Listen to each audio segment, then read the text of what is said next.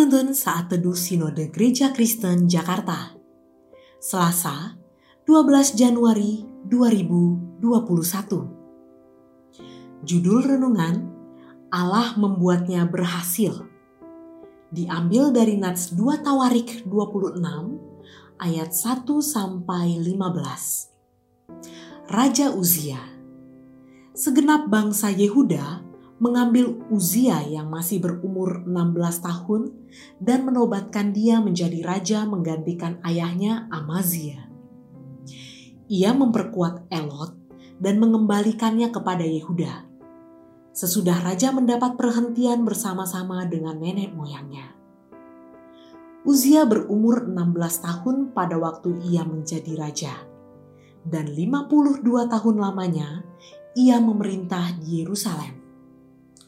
Nama ibunya ialah Yekholia dari Yerusalem.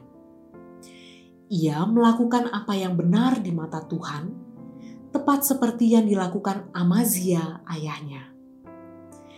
Ia mencari Allah selama hidup Zakaria, ia mengajarnya supaya takut akan Allah. Dan selama ia mencari Tuhan, Allah membuat segala usahanya berhasil. Maka majulah ia berperang melawan orang-orang Filistin dan membongkar tembok Gad, Yapne, dan Asdod. Lalu mendirikan kota-kota di sekitar Asdod dan di lain-lain wilayah orang Filistin. Allah menolongnya terhadap orang Filistin dan terhadap orang Arab yang tinggal di Gurbaal dan terhadap orang Meunim orang-orang Amnon membayar upeti kepada Uzia. Namanya termasyur sampai ke Mesir karena kekuatannya yang besar. Uzia mendirikan menara di Yerusalem, di atas pintu gerbang sudut, di atas pintu gerbang lebak, dan di atas penjuru, serta mengokohkannya. Ia mendirikan juga menara-menara di padang gurun dan menggali banyak sumur karena banyak ternaknya, baik di dataran rendah maupun di dataran tinggi. Juga ia mempunyai petani-petani dan penjaga-penjaga kebun anggur di gunung-gunung dan di tanah yang subur, karena ia suka pada pertanian. Selain itu, Uzia mempunyai tentara yang sanggup berperang, yang maju berperang dalam laskar-laskar menurut jumlah anak buah yang dicatat oleh Panitera Yeyel dan penata usaha Maasea di bawah pimpinan Hananya, salah seorang panglima raja. Kepala-kepala puak pahlawan-pahlawan yang gagah perkasa itu seluruhnya berjumlah 2.600 orang. Di bawah pimpinan mereka terdapat satu bala tentara terdiri dari 307.500 orang yang gagah perkasa dalam berperang untuk membantu raja dalam menghadapi musuh. Uzia memperlengkapi seluruh tentara itu dengan perisai, tombak, ketopong, baju zirah, busur, dan batu umban. Ia membuat juga di Yerusalem alat-alat perang, ciptaan seorang ahli yang dapat menembakkan anak panah dan batu besar untuk ditempatkan di atas menara-menara dan penjuru-penjuru. Nama raja itu termasyur sampai ke negeri-negeri yang jauh karena ia ditolong dengan ajaib sehingga menjadi kuat.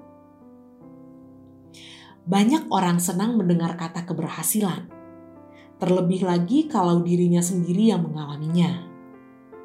Seseorang cenderung menghindari kegagalan karena dianggap merugikan dan tidak berprestasi. Dalam realita hidup manusia, keberhasilan dan kegagalan adalah biasa. Ada kalanya kegagalan berulang kali menjadi proses untuk mencapai keberhasilan yang besar. Hal terpenting adalah apakah seseorang bisa finishing well atau mengakhiri dengan baik. Perenungan kita didasarkan pada kisah hidup Raja Uzia yang baru saja menggantikan ayahnya Amazia. Kehidupan Raja Uzia begitu berhasil karena Tuhan sendiri. Faktor lain adalah respons dari sikap pribadinya dan mentor yang mendampinginya. Tuhanlah yang membuatnya berhasil. Intervensi Tuhan diresponi dengan sikap Raja Usia. Respon Uzia adalah sikap dan tindakan yang mencari Tuhan serta hidup takut akan Allah. Hal itu merupakan hasil mentoring dari Zakaria yang mengajarinya. Uzia juga bertindak benar seperti Amazia ayahnya. Jadi, faktor penentu keberhasilannya adalah Tuhan. Keberhasilan itu kemudian perlu direspons dengan baik oleh diri sendiri. Tanpa respons yang baik, Uzia bisa saja mengalami kegagalan. Dalam hal ini, masing-masing memiliki peran dan tanggung jawab tersendiri mengabaikan yang utama pastilah akan mengalami kegagalan yang fatal. Begitu pula mengabaikan sikap hati pribadi dan orang lain juga berpotensi menggagalkan hidupnya. Mentoring yang benar dari orang lain juga penting karena mempengaruhi tingkat pencapaian keberhasilan seseorang. Bagaimana dengan hidup Anda? Banyak gagal atau berhasil? cobalah mengidentifikasi kondisi hidup Anda saat ini. Perlu juga untuk mencari mentor yang bisa membimbing dan memberikan nasihat yang baik dan objektif. Sebab, mentor bisa melihat sisi lain dari hidup kita secara jelas dan objektif. Selain itu, kita harus mengutamakan Tuhan dan hikmatnya agar bisa membuat keputusan hidup yang terbaik. Hiduplah bergantung kepada Allah, bukan diri sendiri.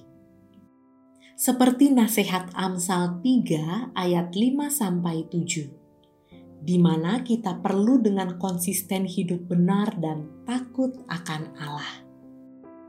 Keberhasilan kita ditentukan faktor Tuhan yang diresponi dengan benar oleh diri sendiri serta nasihat orang lain atau mentor. Kiranya Tuhan menolong kita.